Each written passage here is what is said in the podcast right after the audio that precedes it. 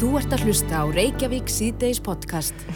Reykjavík síðdeis, eh, við ætlum aðeins að kíkja núna á kunnulega slóði fyrir marga Já. en eh, Tenerife hefur verið einn vinsalasti áningastadur Íslendinga undanfærin ár og hefur farið hérna vaksandi fjöldi þeirra sem að heimsækja eiguna en e, þar hefur náttúrulega ferðamannaðinaðurinn hrunið Mhm. eins og við annars þar og við tölum oft um að hvað ferðamannaðinaðurinn eða ferðaþjónustan er stór partur af e, hægkerfinu hér. Þannig að við getum rétt ímynda okkur hvernig hann er þar. Já, þetta er örgulega erfitt fyrir, fyrir marga og, og það er líka, Ísland er, já, við erum með mjög gott hagkerfi, við erum með, með góða þjónustu fyrir þá sem lenda í og við í raun og veru erum að grípa eins vel og við getum það fólk sem lendir í tlíði Mhm. en það er spurning allir stjórnvöld á, á spáni séu já, eins vel í stakkbúin eins og hér. Það er spurning, Sigvaldi Kaldaróns eða Svali á tenni Rífe er Mhm. mættið til okkar, velkomin Svali Hæ, hæ, takk. Er þú bjóst að núti? Já. Neittist Sko, ég, ég kýst til að kalla ég bí. Já, þú ég er bara í fríi hér núna. Já, þá skulum við hafa það rétt hreinu. En uh, þetta er náttúrulega stjelvilegt ástand að núti, ekki? Já, er það sko og það er eins, alveg rétt eins og þið bentið á hérna núna að sko, þess að við, við búum svo vel hérna, það er svo vel utanum alla, Mhm. vil, ég, vil ég segja. Og þetta mis mikið en, en það er engar sem verið að grípa einhvern veginn um alla. Og því miður þá er það ekki, ekki staðrindin á, á Spáni og, og sérstaklega ekki á Kanaríum og nú get ég náttúrulega bara að tala um Tenerife, ég hef ekki verið alls annars þar en, en Tenerife er kannski ágætis viðmið og, og þar er e, þeirra megin innkoma túrismin þú veist, frá, þú veist, það er engin sjávarútugur og það er ekkert, það er raunverulega ekkert mikið annað sko. Engi framleyslega neitt, þetta er bara túrismin. Í rauninni sko, þeir eru jú, jú, það er eitthvað að verða hérna, verða að flytja út eitthvað af vín og einhverjum, einhverjum mat, ostum og eitthvað, en þetta er svo lítið það er svo lítið magn, þetta er- þessi eiga er svo lítil mm að það er engin, e, þeir ná ekki að framlega svona magn, Nei. Hvað búa margir hérna? það búa um 950 manns og fyrir COVID þá var uh, alveg atvinnuleysendan en ekkert einn slæmt á meginlandinu en, en atvinnuleysi einhver síður. En það sem að mann var svolítið sláandi að, að og segi kannski ímislegt um, um hefði ofenbera er að, að 5% kanaribúa sem að telja 2 2,3 miljónir er, ekki með þakka yfir höfuðið. 5% Að það er mjög það eru há- 110.000 manns. Og hvað er þetta fólk í dag þá? Það er rosalega góð spurning. Sefur á bekkjum og Já, þetta er náttúrulega bara aukist, skilur Mhm. það, er, það var engin afsláttur og leigu, það var ekkert eitthvað, þau voru ekkert í því að frista lán, mm ekkert eins og hér, það er enga, Engin neitt hlutabótaleið. Ég meina, ég er ekki fyrirtæki að núndi, ok, og við erum svo sem ekki minna stóra yfirbyggingu og ekki neitt, en, en uh, við erum búin að fá síðan, við þurftum að loka, síðasta ferðin var 14. mass og daginn eftir var bara sett á hold og það er ekki komið efra eins og að segja í kassan síðan þá. -hmm. þannig að við erum búin að fá í þessum svona, svona styrk sem starfsmenn í okkar fyrirtæki 2300 eur.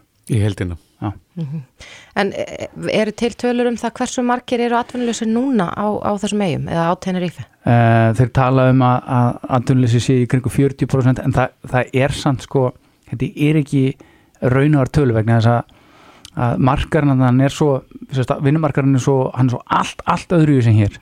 Og þar gengur alltaf ef þú ert ráðin í fast starf sem, launa maður að manneskja mm að þá þarf fyrirtækið að, að fyrir hvert áráttu einn mánuð sem að í uppsagna frest og sérstu búin að vinna í 12 ár skilu þá þú þína 12 mánuð og svo framvegis. Þannig að rosalega mikið sem fyrirtækjum keppast um að gera bara styttri sanninga ráða bara þrjá mánuð í einu eða reka og ráða aftur. Og þá er út heppin og fara þannig samning en annars verður bara weekly pay það er bara vikulega og það er bara með peningum og það er ekki til yfir það. Þannig að þeir hafa ekki nákvæmra tölur Mhm. yfir atvinnleysi Og þú heldur, eh, vilt þú álegt að það sé meira en, en þessa tölur sér? Já, kemur ekki vort Mhm. það kemur ekki vort þú eru svo sem ekki að fullur um það en, en þú veist það kemur ekki vort miða við bara það sem að veist, flest störfin sunnan megin á eiginu þar sem búa um 140 manns tengjast með einu með öðrum hætti ferðamennskunni mm.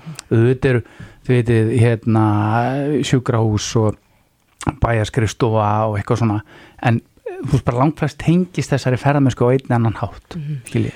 En Svali, þú, þú ringdir til tenni Já. áðan og komstinga inn Akkurat. Hverjir eru nýjustu fréttir? þær eru ekki góðar því að þjóðverjar eru að setja lok, lok og læsa á, á Kanaríar og það þýðir einfallega að þá loka öll hótelin Eru nú- lang Breytarnir er langstæðistir, það er búið að þú veist, þeir, þeir kom ekki Nei. af því að þeir þurfa að fara í tveggja vegna sóttkvíðir koma tilbaka, Mhm. þannig að þeir kom ekki Mhm. eh, Nú hefur opið á þjóðverja og, og belga belgar eru búin að loka, þeir eru mjög stórir en það hafa verið og nú þjóðverjar og það þýðir bara, þú veist, það er engin business núna í lok september fer spánverinn aftur heim sem var í fríi hann tekur þetta í ágúst eft og þá er bara ekkert eftir sko Þannig að það er mjög svona fátaklegt um að litast þarna núna. mjög, eh, það er líf hjá heimamönnum skilur Mm og, og það er alveg, þú veist, gengur sín vana ganga og hér og, og það sem þarf að vera opið er opið. En, en hérna það er ekkert umfram það. Nei. til miður, En þú segir þú býðið þarna úti, þú ert bara í frí hérna ég heima. hleyfi Og hvenar, hérna, hvenar býst þú við að komast aftur út? ég ætla að fara í oktober uh, bara til þess að, að vera í sambandi við svo kallar byrgjana og byrgjani mínir eru allir þeir sem við stoppum hjá við ferðunum og, og bara halda tengslun Mm það sé allt í gutti og, og bara eru þeir ennþá lífi þú veist, munu þeir hafa opið þar ég að breyta einhverju þú veist, þegar ég opna og það er kannski eina sem ég get verið að gera núna sko. Mm. en svo vantar mér bara sól Já. Já, En hver hefur verið staðan á kórunu verið faraldrinum þarna úti? Hafa verið mörg smitt á Tenerife? Já, það er að, það er að aukast náttúrulega og, og það var sérstaklega slant á Gran Canary og þeir, þeir vilja reykja það til einhverjar einnar sangkomið það sem ungt fólk kom saman Mhm. en, en hérna, mikið minn á Tenerife en það er samt og alveg að aukast skilur þessi bylgjar er alveg komið upp hún er, slepp engin við hana Já, það vakti aðtekli hérna í fyrirfaldinu þegar að hótelum var bara lokað. Já. Það var bara slegin hérna dyrðingi kringum og engin út. Ná, Skjálborg Stjálborg, hefur, hefur það verið gert síðan? Nei, nei, það var ekkert að gera þetta sko Hvað er gert við fólk sem að síkist?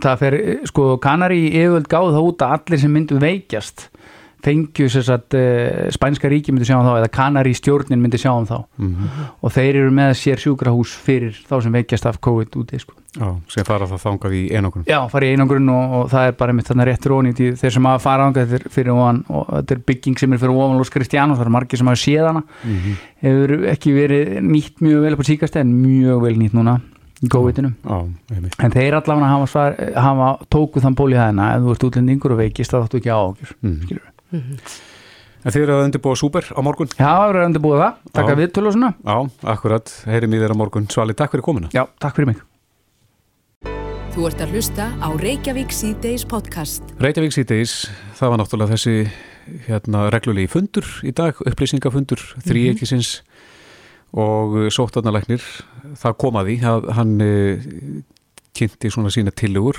sem hann ætlar að, að senda heilbyrðisáþra um framaldið. En það voru margir fannar að kalla eftir því. Já, en já, tilslaganir eru í kortunum eins og, eins og hann leggur það fram að minnst okkosti en síðan er það auðvitað í höndum helbriðsráþara að, að já, samþykja það eða ekki eða gefa út nýjar leiðbenningar. Já, Svandís, hún hefur hlustað á Þóról til þessa, en Þórólur, sæl, Já, selveri. já, hvað leggur þið til? Jú, það var náttúrulega bara þannig að það var bara komið, sko, eins og við höfum alltaf gert, uh, alveg frá upphæðu, þá hafa komað svona þegar við erum að slaka á eða, eða jafnvel herða, þá höfum við þurft að láta líða svona tvær til þrjár vikur á milli aðgerða til þessi árangurinn og, og við höfum að halda okkur við það plan og, og núna eru komar, komnar, komin sá tími eh, að e, núverandi fyrirkomulega það tekur enda samkvæmt auglýsingur á þeirra 10. september og, og þá þarf ég að koma nýja tilur og, og sem ég og gerði og sendi þær í gær Kannski við byrjum að því, tókust þessar aðgerðir sem að þið settuð á fyrir hvað, tveimur, þreimur vikum?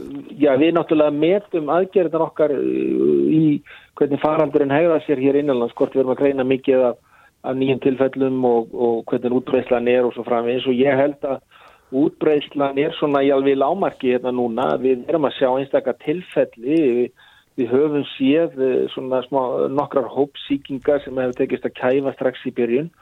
Og það er held ég það sem við komum til með að sjá áfram en við þurfum einhvern veginn að halda áfram að feta okkur áfram og reyna svona að letta uh, á þessum takmörkum sem hafa verið í gangi hægt og bítandi til þess að reyna að uh, hafa hér svona lífið innanlands eins, eins þægilegt eins og, eins og við getum en á sama tíma að við reyna að vera eins og örug á því að farandurum var ekki að blossa hérna upp aftur og ég held að að við séum á þeirri vegferð og, og, og mína tillögur held ég að hafi verið svona varfærnislegar í þá áttina. Já, þú ert að leggja til að fjöldatakmörk verði lækku, nei, hækkuð úr 100 í 200 og, og að tveggja metrarreglunni verði breytt í eins metrarreglu en þetta já. á að gerast, já, sangvað þinni tillögu frá með 7. september næstkomandi fyrr já. en áætla var.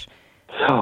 Hver, hvers vegna, er, er, er tilöfn til þess að drífa í þessu þarna 7. eða hver ástæð fyrir það fyrr? Ég held að, ég held að skipti kannski ekki máli hvort það er tíundi eða sjöndi landamæra tilögum fyrir að koma á 15. og það er kannski vond að hafa svona hvort ofan í annari þannig að þess vegna held ég að sé ekkert að býða með það ef að e, ég held að það sé komið að því þannig að þess lagði ég til að það var bara hægt að byrja að gera, drífa í því fyrr heldur en áallega var og og sjá hvort að, að ráða þeirra samþykja það. Já, mm -hmm. en e, þetta fer úr tve, tveimum metrum í, í eitt metra samkvæmt tínu tillögum og, og svo hækkar úr 100 í 200 þetta, e, þeir sem er að ferma þeir hljóta kætast?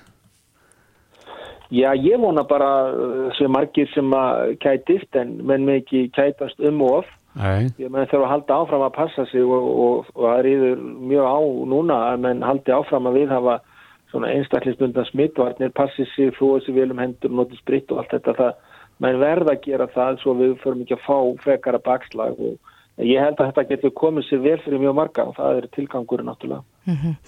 Það verður engin, eða samkvæmt þessum tilum verður engin breyting á opna tímum skemmtistada en í gær rættu við við veitingamann Sigmar Viljánsson sem sendi þér nú já, minnisbref eða, eða punkta það sem hann er að leggja til ólíka nálgun.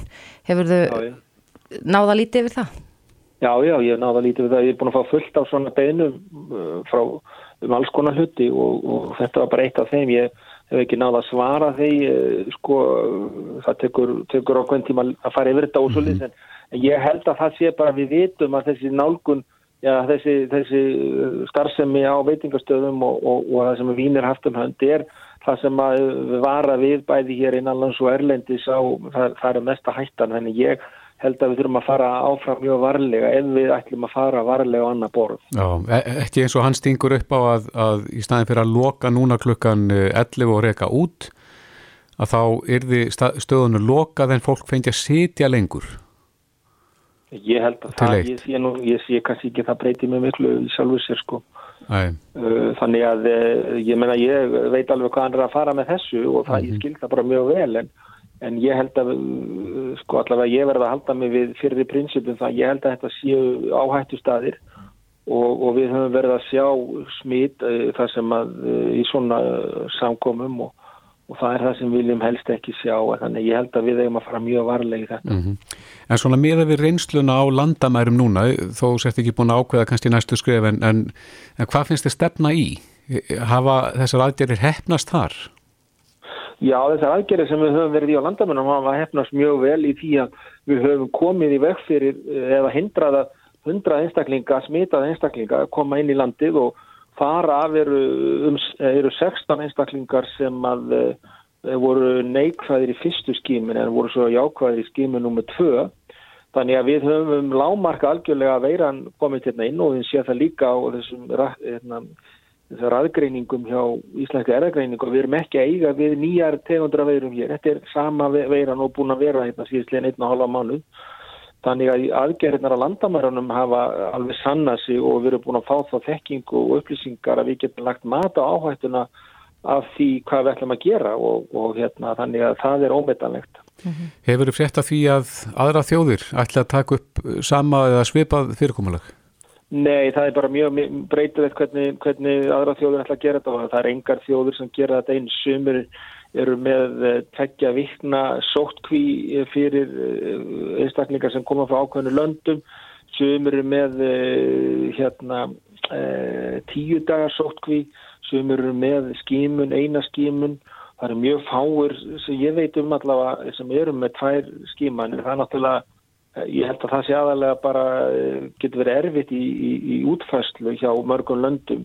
Það er auðveldara hér á Íslandi heldur en á mörgum öðru stöðum. Þannig að það er engar tvær þjóðu með þetta eins og sem segir bara það að það er engin fullkomin lausnáðus en ég held að uh, svo þekking og vittneska sem við hefum fengið að er, hún er meiri heldur en á mörgum öðru stöðum. Já, En við höfum nefnt hérna einsmetarregluna og, og fjöldatakmarku upp í 200, er eitthvað meira sem þú leggur til? Jó, við leggjum til að það verði eigin fjöldin sem að get, getur frið sund og, og, og líkansræktastöðar úr 50% af hámarksfjölda upp í 75%. Mm -hmm. og svo náttúrulega eru við áþáðan með þetta íþróttaviðbúrið leiðir með snertingu og 200 manna holvarskiptingu og eins listasýningar leiðar og, og við höfum þessum 200 manna hérna hámarsfjölda takmörkun og, og eins með þetta reglunni þannig að ég held að við séum að slaka töluvert á mm -hmm. uh, og þó að þó þessi sumi kannski hefði, hefði viljaði gengjum lengra og þó eru glæðri sem viljaði gengjum bara stittra eða ekki breytna einu. Akkurat, en, en samkvæmt þessu þá ættu nú leikúsin mögulega geta opnað á ný og já, með þessum takmörkunum sem þú þó nefnir.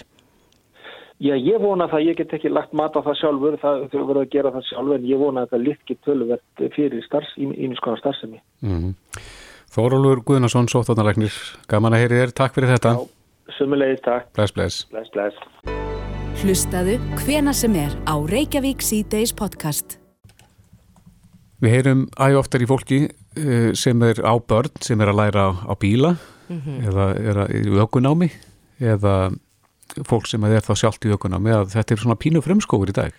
Já, þetta verður allavega breyst svolítið mikið síðan að, já, allavega síðan að þú fyrst bílpróf og já, líka ég. Já, akkurat. Þegar ég tók bílpróf til dæmis þá mátti maður bara nánast allt. Mm -hmm. Maður fekk hérna réttindi að aga með kerru aftan í og og svona ímisréttindi sem er ekki sjálfgefin í dag Nei, ég er, ég er til að mynda ekki með þau og, og má bara keira vennilegan bíl já. en já, nú má líka læra á sjálfskiptabíla það breytist fyrir ekkert svo lengur síðan Já, er það? Já, það, þú getur lært á sjálfskiptan bíl að mér skilst já. en þá hefur þú líka bara réttindi til þess að keira sjálfskiptan bíl Já, við verum eiginlega að fá þetta hreint Ég held að Við erum með aukvökjennar á línunni, hann heiti Sigurður Gíslason Sæl það er bæði. Já, við byrjum á þessu. Er, er, er þetta að læra á sjálfstiftan bíl í dag og má þá engungu akka sjálfstiftan bíl? Já, engungu akka sjálfstiftum. Það má ekki þá. Það er auðvitað þetta breyta því og taka síðar. Það er fólki kannski búið að keira tvö ár sjálfstiftana. Þá er þetta að renna í það og taka, taka smá tíma á benskistan og séðan próf og þá voru réttindi komin að fólk vil það en þannig að það voru meiri, meiri hluti bíla er orðin sjálfskistur og, og svo ramar bílarni að koma á Og þar sérst að prófa þá líka þá eða? það er ekki komið að þá allavega. Það er spurning hvort það þarf ekki að stúdara það eitthvað sérstaklega. Já. En, en þetta með að, að hengja kerru aftan í aukutækið, það þarf sérstakt prófi það í dag, svona kerru prófið það ekki? Jú, kerru próf, þá er að hengja nokkuð stóra kerru yfir 1200 kílóa sem er að hafa burðar gett upp á minnum með rúmlega 1200 kílóa og þá er aðlega verið aðtúa bakk, bakkar svona inn í keilubraut og séðan kerru smá ringur um, um svæðið og þetta er ekki, ekki stórt, stórt mál en þetta gæti verið einfaldana, mér finnst nú alveg nægilegt að aukukenna bara skrifuð upp á það að hafa farið með veikumandi í, í sko æfingu og, og farið yfir bóklegt og, og verklegt og, og ætti það að vera nóg þá myndi verði lækum rúmlega helming. Já, hvað kostar í dag að fá kerrupróf? Það er aðeins meðsett hvað menna að taka fyrir þetta en það er ábyggilega yfirleitt í kringu 60.000 pluss prókjál sem þarf síðan að borga prótumari á frumherjar sem að ég held að sé alveg um 12.000 eða meira sem að þarf að borga prókjál. Mm -hmm. En uh, þetta á sama, það sama á við um, um til þess að draga sko fellihísi og, og, og ja, alla svona hvað hva kallast aftan í vagna, aftan í vagna já, gerur, próf, eftir vagna eftir vagna, eftir vagna já. Já, akkurat. Svo náttúrulega ef það þarf að keira vörubíla og einhverja svaka vagna aftan í þeim þá voru náttúrulega að taka trailerpróf og það er, það er starra próf. Já, en svo er það þessir, þessir pick-up bílar, stóru sem er oft kallaði stóru amerísku bílarni, það, það er sérstakt prófa þá? Já, já, það er sérstakt prófa þá. Já. Og það er stóru vandamál í dag vegna þess að við mögum kenna á alla bíla sjálfskiptar sko, rútur og vörubíla og hvaðina en En allt í ennum komið það er ljós að maður ekki kenna á sjálfskeitan pick-up og það er mjög skrítið sko og stríðir eða móti öllu, öllu öðru í kringum þetta vegna þess að, að það skal ég segja þú getur tekið prófa á vörubíl, sjálfskeitan vörubíl og þá færðu sjálfkrafa réttindi á, á lítum pick-up sko þó hafið aldrei tekið prófa á benskiptan og og, og það kom einhver, mér skilst á konu sem tala við á samgöngustofu og þá kom einhver tilskipum þarna 5. mæ og eftir því sem að ég skil út úr þessu þá skiljaðu ekki ná samgöngustofu tilskipunna og geta ekki átt að segja á því hvort að hvort að hún þýðir í raun að megi ke- ke- kenna á sjálfskiptan eða ekki sko, þannig að það, þau átt að segja bara ekki á því Sjálfstíftan þá svona pick-up. Já, hún er búin að senda þetta til lögfræðisviðs samgöngustofu og, og engin svör koma þaðan og það er að vera konir eh, kringu fjóri mánuðir síðan að þetta kom, kom inn frá Evropu. En þið ökukennara sem að kennið á þessa pick-up bíla, er ekki mikið úrval af beinstiftum slíkum bílum? Það er, það er bara nánast ekki neitt sko. Það er, allir eru sjálfskiptir og, og þegar ég saði þeim frá því í samgöngustofu þá voru þau mjög hiss á því og, og veist ekki þá átt að segja á því að, að þá er mest allir pick-up að sjálfskiptir þannig að þetta er rosalega skrítið og maður er undrand á þessu mjög svo reglugerðin reglugerðar uh, bákni er bara sko þyrfti að taka það allt í gegn og reyna að lagfæra þetta en, en allt vit, allt vit kemur frá Európa núna og það er bara verist ekki verður að taka það eins og það hljóðar Já, þannig að þetta, þetta er byggt á tilskipun frá Európu en, en nú Já. hafa verið nokkuð miklar breytingar í þessum bransa að undarförnu. Eh, Telur að það mætti halda betur utan með þennan málaflokk til þess að þetta væri skýrara fyrir já, alla?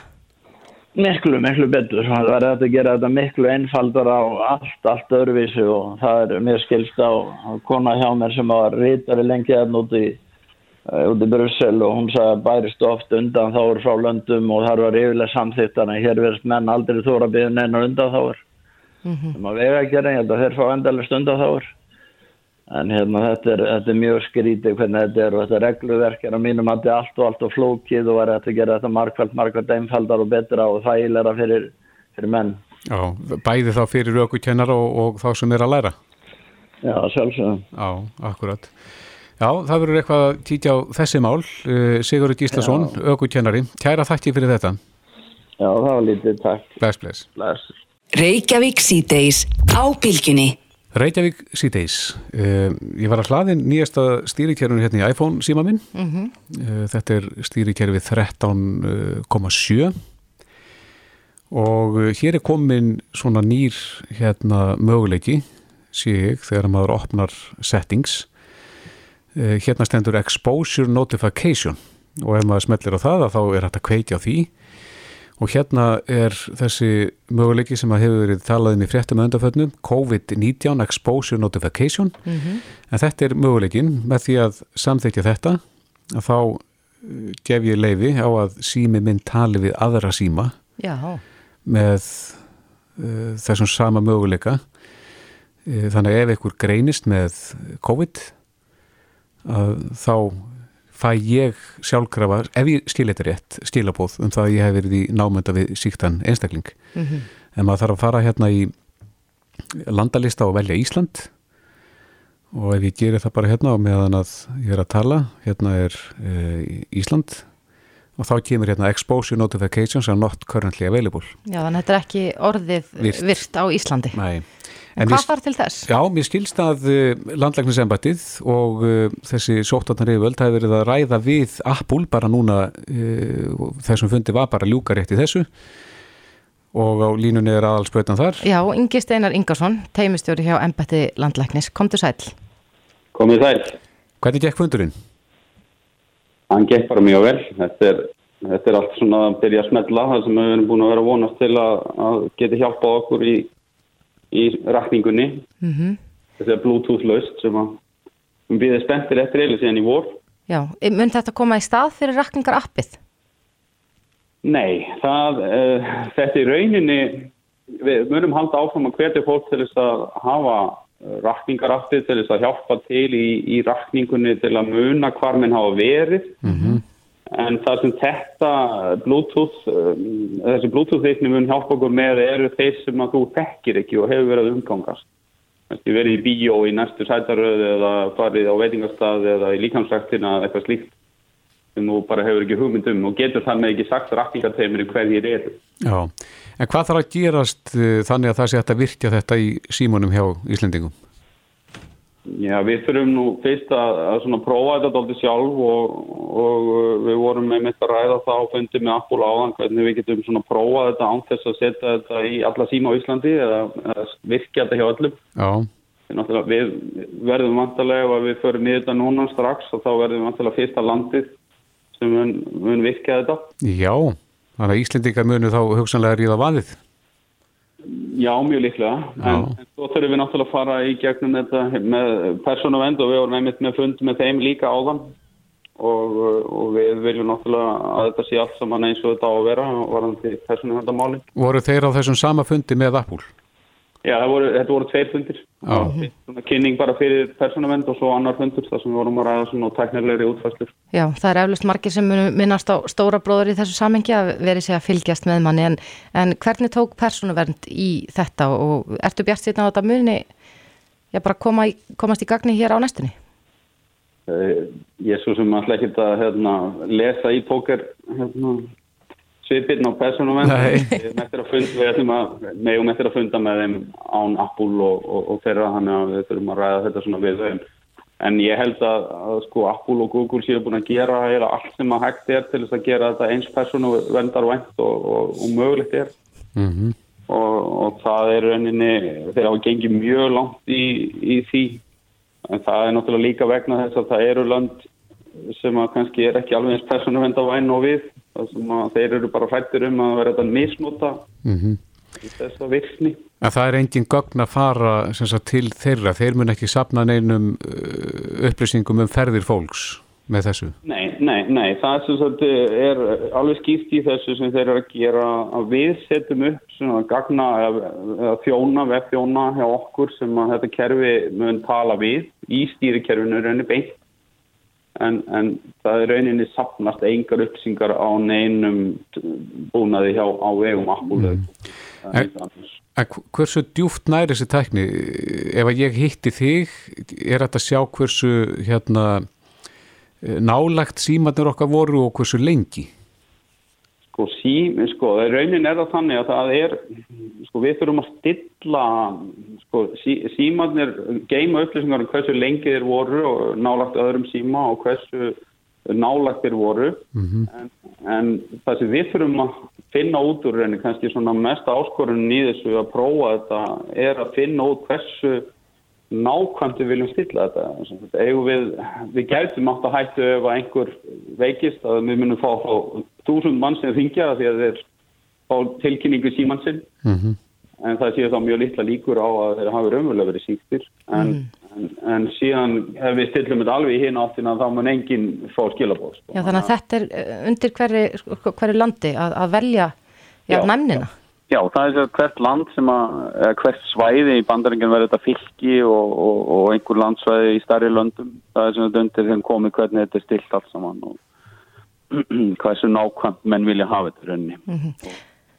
En nú hefur nú verið talað um að það hefur ekki reynst, já, kannski nógu árangusríkt að, að fá til dæmis ferðamenn til þess að setja upp rakningarappið. Mun þetta geta hjálpað ykkur í rakningu hjá þeim sem að er, já, hjá ferðamennum?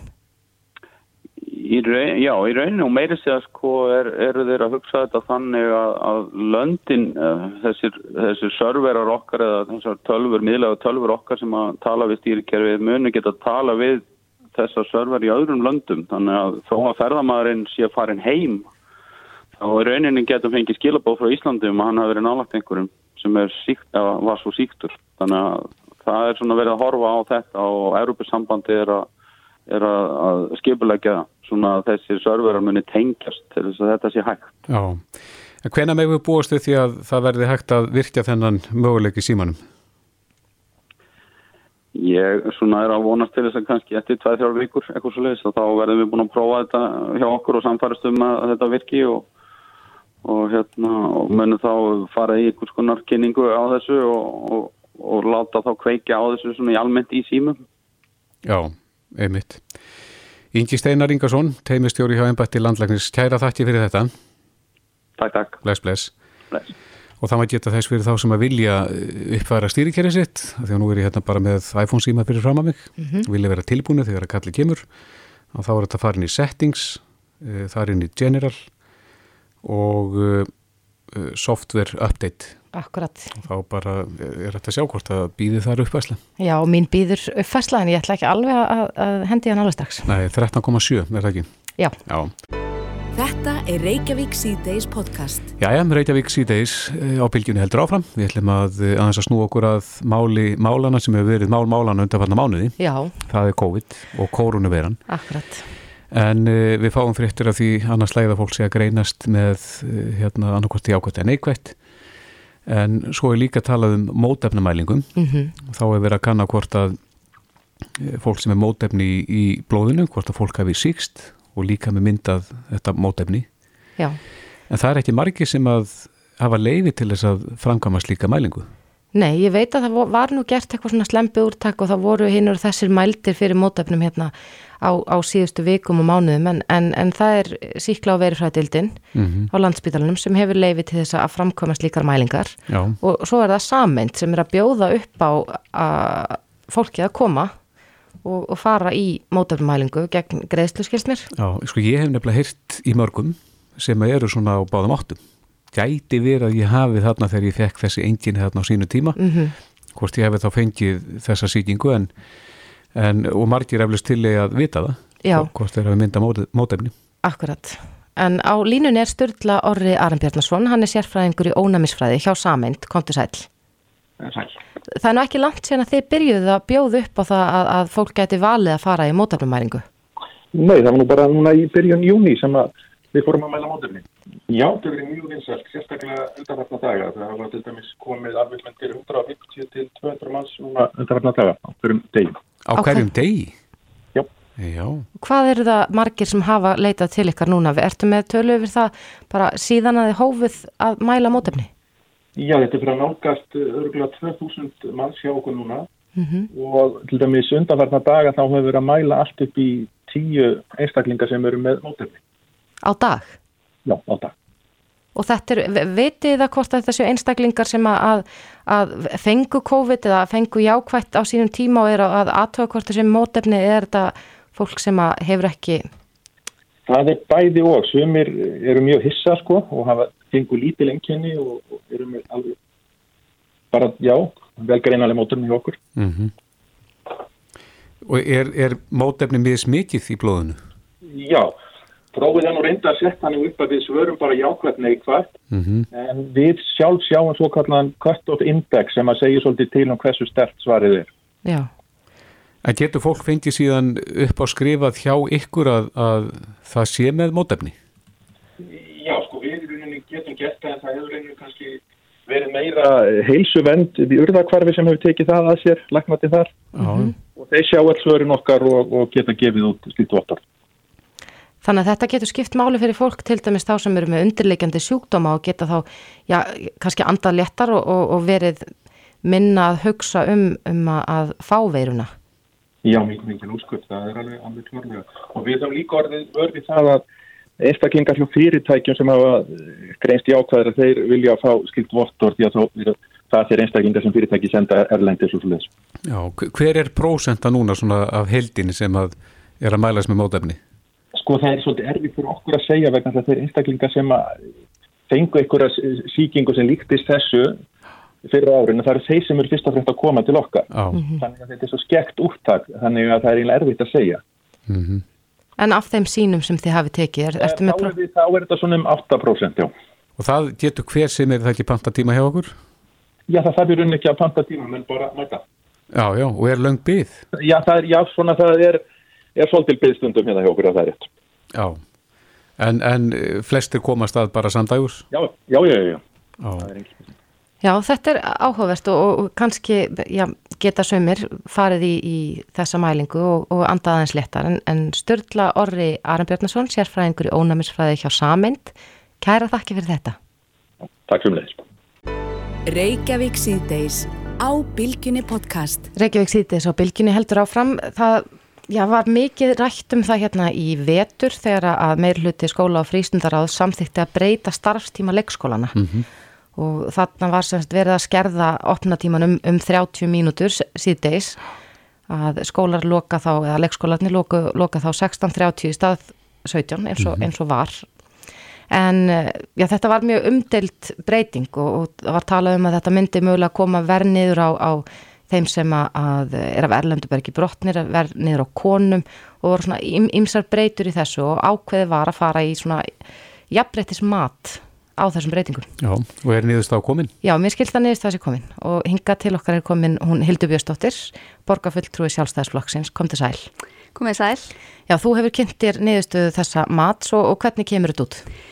Uh, já, við fengum niðurstöðuna í hendur í sumar, eða svona síð sumar og þetta kemur ekkert sérstaklega vel út og í rauninni er niðurstöðan bara svolítið eins og við spáðum.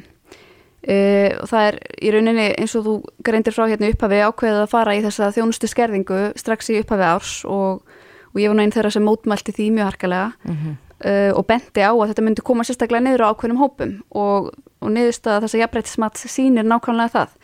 Þannig að það er svona ymslegt fróðlegt sem kemur fram í matinu. Uh, við erum að sjá að breytingin hefur áhrif á að minnstakosti þúsund fjölskyldur í borginni og þá auðvitað þúsund atvinnureikundur sannlega um leið ef, ef, eða jafnvel fleiri sko ef að hérna fleiri neitt vinnandi á hverju heimili. Uh, við sjáum það að mæður eru eins og við kannski vissum líklegri til þess að bæði sækja börnin og, og hérna fara með þau að mótni og þannig að breytingin eru að hafa Þessi breyting mun bytna meira á vinnandi maðurum heldur en vinnandi feðurum. Það er svona neðist að mattsins. Eh, hún mun bytna mest á fólki sem hefur lítinn sveianleika í sínum störfum. Mm -hmm. Þetta getur verið fólk sem er í vaktavinnu. Þetta er mikið láttekjuhópar. Þetta er fólk líka af erlendum uppruna sem er með lítið bakland hérlendis í kringu sig. Og svo erum að segja að þetta hefur greiðlega áhrif af fólk sem byrja í útkverfum sem að starfar kannski hérna miðsvæðis mm -hmm. og er með býr og er með börni sín í leikskólum í útkverfum Já. og þarf þá að keirum langan veg og fara þeiminn fyrr úr vinnu til þess að geta náði í börnin þarna á, á tilsettum tíma. Akkurat. Þannig að já, þetta eru svona verulega neikvæðar neyðustöður mm -hmm. og ég vonaði þetta að það verði til þess að það verði horfið frá þessari ákverðin en ég verð þá að viðkjöna, mér var svolítið bröðið þegar það var ákveði núna á dögunum það var lögð tillaga fyrir skóla og frístundaráð bara núna hérna á síðustu dögum og vikum um að uh, stitta þennan opnutíma skerðan þannig að hann sé engungu til 16.30 alveg út, alveg til áramáta og þetta er svolítið verið að skýla sér á baku COVID. En þetta er komið í framkvæmt það, átti, það var í raun og veru átt að veita fólki einhvern sveianleika og eitthvað svona sveigurum fram á höstið að, að geta fundið út úr sínu málum en, en það hefur ekki komið til kasta og nú loka leikskólar all flestir klukkan 16.30 Já, nú eru bara allir leikskólar 16.30 nú er það bara hérna ný, ný ákvörðin mm -hmm. hjá borgarmeiri hlutanum og eins og ég segi þetta viljin hjá, hjá þeim stóð til þess að, að skerða eh, þjónustunum með þessum hætti. Og núna er svolítið verið að feila sig á bak við COVID. Og auðvitað við höfum reynd að vera svolítið samstiga með aðgerður vegna COVID og, og ég held að þjóðin hefur svolítið mm -hmm. viljað að fólk væri samstiga. En við þurfum líka kannski Já, við erum samstegum aðgerðin sem skipta máli. En þetta finnst mér svolítið rökin á baki því að það þurfa að skerða þjónustu leikskóluna vegna COVID. Með stöðu kannski ekki alveg halda vatni. Ef við bökkum aðeins, eh, hver var ástæðan fyrir því að það var farið í þetta? Var það spartnaður? Uh, alveg upphafið, þannig í janúar þegar aðgerðin er kynnt. Þetta er held í krafa sem kemur mögulega úr kennarsamfélaginu. Uh, þau tala mikið um að þetta tengi stýttingu vinnumvíkunar Eh, ég sagði að þau var þarna að byrja á öfugum enda, það er ekki hægt að þvinga atvinnulífi til að stýtta vinnumöguna með því að skerða leikskóla þjónustu því það mun kannski miklu frekar og líklegast einmitt bitna á konum sem þurfa að fara að taka samtali við sína vinnuveitendur um mm -hmm. hérna, stýttri vinnudag og annað. Þannig að þetta fannst mér vera svolítið byrjað á öfugum enda og atvinnulífið hefur alveg verið opið fyrir því í störfum þar sem það á við að skoða stýttingu vinnuvökunar eða sveianlegt vinnu um hverju sem ég hef líka verið mikil talskona fyrir. Þannig að mér finnst þetta svona svolítið öfugur endi og öll tækifæði til að segja eitthvað samtal þar sem að bara borgin, skólasamfélagið, atvinnulífið, foreldrar, allir setja sama niður. Ég held að allir vilji svolítið svona skoða hvernig nútíma vinnu umhverju getur breyst mm -hmm. og þjónað okkur öllum betur en við þurfum líka að tala saman til þess að ná þessum árangri þannig að allir verði sáttir. Já en nú segir að það er búið að taka það ákvöruna að leikskóli Reykjavík loka 1630 að minnstakosti fram á áramótum. En, en veitum við eitthvað hvað gerist í framhaldinu af því? Við veitum ekki hvað gerist í framhaldinu og eins og ég segi þessi ákvörðin er tekin þrátt fyrir þetta jafnbreytismat og er þá tekin í svolítið skjóli þess að þetta sé ákvörðin sem þurfa að taka vegna COVID vegna einhverja hérna, sótvarnar ástafana sem að mæti með betra skipulagi alveg ná fram með öðrum hætti. Og með þess þarna kannski eh, litlar tilhörinu gerða til að mæta fóreldrum og, og svona mæta þessum stóra hópi fjölskyldna sem kemur fram í þessu jafnbreytismatti og segir að þetta muni vera verulega erfitt fyrir þau. Og það kannski má líka taka fram bara niðurstöðuna, bara niðurstöðu setninguna í þessu jafnbreytismati ef við bara lesa hann upp, þá segir orðið þessi breyting kemur sér illa fyrir stóran hluta þeirra sem nú þegar kaupa tíma eftir klukkan hálf fimm. Tillagan mun hafa neikvæð áhrif á jafnbreytti kynjana og koma einna verst niður á fóreldurum að erlendum uppruna. Þetta er bara svona niðurstaðan í þessu mati. Þannig að mann finnst auðvitað vond að þessi ekki hort til þess og ákvörðin, þessi ákvörðin sé tekin rauninni þrátt fyrir þessa niðurstöðu sem við hafa í handunum. Já, Hildur Björnsdóttir, borgarfulltrúi sjálfstæðisflokksins, kæra þakki fyrir komuna. Takk fyrir. Reykjavík síðdeis á Bilginni podcast. Við höfum oft rætt um það hér í Reykjavík síðdeis, hvað gerist, já svona, þegar að COVID er ekki lengur miðdebill alls Já, og hvernig við ætlum aftur að virka ferðarþjónustuna, trekja til okkar þennan fjölda fólk sem var hér áður og, og var svona mikil innspýting fyrir hagkerfi okkar. ég held að, að heimunum verði bara í spreng. Já, ég hugsa allir muni vilja ferðasprengur. ferðast. Já. Það, ég held að það liggi augum uppi að, að fólk mun halda áfram að ferðast. Jafnvel ekki í uh, jafnmiklu mælu áður en, en tíminn mun kannski bara lega það í ljós en, en það eru margir að já, huga að markas herrferðum. Hvað getum við gert til þess að fá fólki ynga? Hvernig eigum við að markasetja okkur? Og ég rakst hérna á inn, á inn á Facebook að hugsmiðjan og döðlur þetta eru tvö fyrirtæki, settu saman teimi til þess að vinna að hugmynd fyrir útbóð Íslandsstofu sem heitir Saman í sókn og á línunni er Margir Steinar Ingólfsson sem er aðgjafi og stjórnaformaður hugsmiðunar. Kom til sæl. Já, komið sæl. Já, eru þið með lausnina? Hvernig fáum við ferðamenn aftur til okkar? Já, ok. Þetta lausnin sem við byrtum reyndar, hún er, hérna, þetta verður svolítið krefandi. Þetta er 100 blasinni kynning sem voru svolítið krefandi að koma fyrir í stutt út úr við Já. skulum gera okkar besta um, og reyna að gera langar svo stutta. Um, þetta er náttúrulega ekki lítið verk að markasetja heilt land og gera það áhugavert á tímum heimsfaraldurs. Þú veist, við erum að díla við tíma, þú veist, það eru opnanir og svo aftur lokanir og svo opnanir aftur og, og við erum ekki bara eini í þessu, við erum í samkættin við öll önnur lönd í heiminum og þetta er allt öðruvís en þegar til dæmis eigafellagi gullgóðis, þá áttu við sviðið. Mm En, nú, en núna erum við í þeim sporum að þú veist ferðarþjónustan hefur hrunið um allan heim. Hvað á að setja á oddin? Já, það má ég alveg segja það að uh, fyrir það fyrsta, þú veist, við erum að díla við mikla óvissu. Þú veist, það verður sjálft að vera jafn erfitt að meta hvað er framöndan og, uh, og þá, og þegar við setjum saman þetta teimi kring, kringum þetta verkefni, þá, uh, þá vitum við það og við þekkjum það á, á einn skinni. Að það er ákveðin aðeins sem blómstra sérstaklega í óvissu og það er yfirleitt skapandi einstakling- einstaklingar, hönnuðir, listafólk og fleiri og þá orku finnst okkur gott að virkja. Af því að hérna hönnuður hann getur komið með vinkla sem að kannski verkfæringur sér ekki fyrir.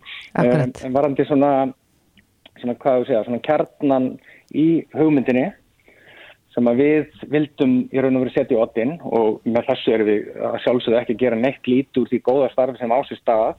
Við byrjum mikla virðingu fyrir því eh, góða starfsfólki sem vinnur hjá Íslandsstofu og, og trúum því að þau séu með eh, eitthvað brjála masterplan í gangi og sem að eh, mun vantilega komið ljós. En í kjarni okkar hugmyndar var kannski fyrst og fremst að nálgast vandamáli bæði ofanfrá, með svona styrðir herfað og líka neðanfrá með því að virka græsótina. Við vildum styðja við ferðarþjónustuna, uh, ef við pælum aðeins í því, uh, ein af okkar bestu auglýsingum uh, ættu að eh, felast í til dæmis þeim leiðsugum mönnum sem við erum svo heppin að eiga og eru nú verkanarlausir. Við vildum setja svolítið eh, kraft í það að virka þá og jáfnvel gera þá að okkar eigin áhrif að völdum. Um, þetta vildum við gera uh, og hjálpa þeim með því að styðja í leiðinni skapandi geira eins og kvikum þetta gera fólk hanniði og fleiri og í raun og veru hjálpa uh, þessum aðilum að hérna, búa til efni. Já, en ég sé, ég var nú búin að kynna mér aðeins hérna þessar tillögur ykkar og, og ég sé að þeir eru mikið að vinna með sko víðáttuna að, að Akkúrat. frelsi hjá fólkinu til þess að geta farið um án þess að vera í tróðningi. Er þetta svona eh, eitt af stefunum í þessu? Já, af því þegar við sko kannski áttum okkur á svona, svona eitt svona líkil atrið í markasetningu, það er svona hvernig getum við aðgreint okkur frá öðrum aðilum á markaðu og öðrum löndum Mm -hmm. og þegar við skoðum það sérstaklega þá, þá erum við að sjá það að það er mikil innilokun, það er mikil innivera og kannski trengsli litlum íbúðum að núti, fólk er hrætt við að fara út uh, en um leið þá er fólk fullt af frelsistrá og ef við skoðum þess að svona tvo helstu ása sem að skipta fólk máli þegar það kannski fær í raun og veru þennan ferða vilja Já. þá er það öryggi fyrst og fremst og svo víðatan mm -hmm. og við erum, við erum þekkt fyrir að vera eitt öryggasta land í heimi við við hérna, hérna, það var byrst fréttur um það uh, oft á síðust árum En svo erum við með þessa víðáttu. Við erum með hvað fasta íbú per, hérna, ferrkilometr og hins svæðin eru lönd eins og Mongólia, Súrinam, Namibíu Mm -hmm. og ef við berum okkur saman með þau, þú veist, þau eru kannski ekki með öryggið. Svo er kannski í Ástralja þarna líka. Þannig að við erum með bara að skýra hérna, sérstöðu á okkar mati og þannig er hann varð sko vígorðið okkar til, eða slagurðið. Fórendar í nokkar hingi við byrjum að vinna með hérna, social distancing síðan 874. Akkurat, ég rakst á það og nú frekar skemmtileg nálgun. Mjög skemmtileg nálgun og, og ég, hver veit nefnum að það enda á postkorti, en mm -hmm. allavega. Eh, svo voru, voru við samstæfið PR fyrirtæki út í bandaríkunum og Evrópu og þau sagði bara að ah, við viljum ekki tengja okkur við social distancing eins og er. Nú er þetta mjög neikvægt, við viljum ekki tengja okkur við eitthvað neikvægt, þannig að við fórum í uh, að vinna áfram með víðatuna og, og rýminn mm -hmm. rýmið sem við höfum og þá kom þetta vígorð okkar hérna Welcome to Space. Og Já, og þá Space í, í þeirri merkingu að, að þú ert með pláss en ekki út í gemnum Þú ert með pláss og við, við erum að tala um social distancing án að nefna það, án þess að fara inn í neikvæðina. Við erum að tala inn í frelsistrá án þess að minna á veiritíman, við erum að bjóða líka ferðamannum upp á alls konar rými rými til að anda, rými til að hugsa, rými til að hreyfa sig, jafna sig og finna sig. Akkurat. En svo er gott að vera með þessa týrani, af því að Ísland, fyrir mörgum, þú veist, þá líkist Ísland svolítið mánandi með tunglinu. Við erum, höfum svo einstakka vöru að bjóða, við erum eins og land út, út í geimnum. Já. Þannig að þetta er, líka, bara, mér... þetta er líka ævintýri, þetta er draumur sem við erum að selja. En þetta er hugmynd sem þau unnu fyrir þetta útbóð Íslandsstofu, Akkurat. saman í sók mm. er, er, er, er þetta útbóð búið? Er þetta það sem þið unnuð áður en að tekinn var ákvörðunum aðrar herrferðir? Já, já og við ákvöðum í raun og veru að uh, bara opna á þessar hugmyndir okkar mm -hmm. að því að uh, eins og ég sagði áður ekki til að gera lítið úr því sem að er verið að gera, hefur verið gert mm -hmm. við viljum einfallega opna á þessar hugmyndir og mögulega er þetta eitthvað sem að getur nýst ferðarþjónustinni eða okkur öllum á Íslandi til þess að endurræsa þessa mikilvægu búgrein. Og ef við getum gert eitthvað til aðstofa með það, með þessum hugmyndum, þá bara er, er bara hverjum sem er fyrir ást að nýta það. Já, þetta er mjög spennandi. Það er að kynna sér mm. máliðin á vefsíðinu ykkur ekki sattin á hugsmiðan.is. Jú, það passar. Glæsilegt. Marger Steinar Ingólfsson, ráðgjafi og stjórnarformaður hugsmiðinar. Kæra þakki fyrir að segja okkur frá þessu. Takk sem leiðis. Þetta er Reykjavík C-Days podcast. I can't seem to focus and you don't seem to notice I'm not here. Þetta er fallegt. Þetta er mjög fallegt. Þetta er Laufey Lín Jónsdóttir sem að vakti heldur betur aðtegli á, á Instagram. Já, hún er já, tónlistarkona og er búsett í London núna held ég alveg öruglega og mm. já, Billie Eilish, söngkonan sem á heiðurna þessu lægi sem Lauvi Lín er að syngja og við heyrum núna mm -hmm. hún uh, í raun og verið deildi læginu í útgafu Lauvegar á sínum Instagram-reikningi og hún er nú ekkit með neitt rosalega fáa fylgjendur. Nei. ég held hún sem er 66,6 miljónir fylgjenda. En þá með því fór Instagram-reikningur Lauvegar á flug Já, má segja? Það má segja það. Já, heyrim aðeins meira hérna við þum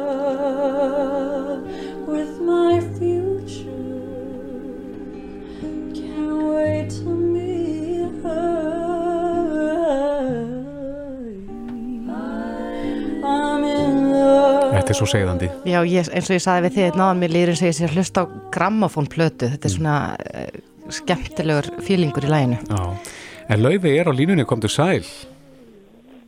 Hæ. Tala beint frá, frá London, er það ekki?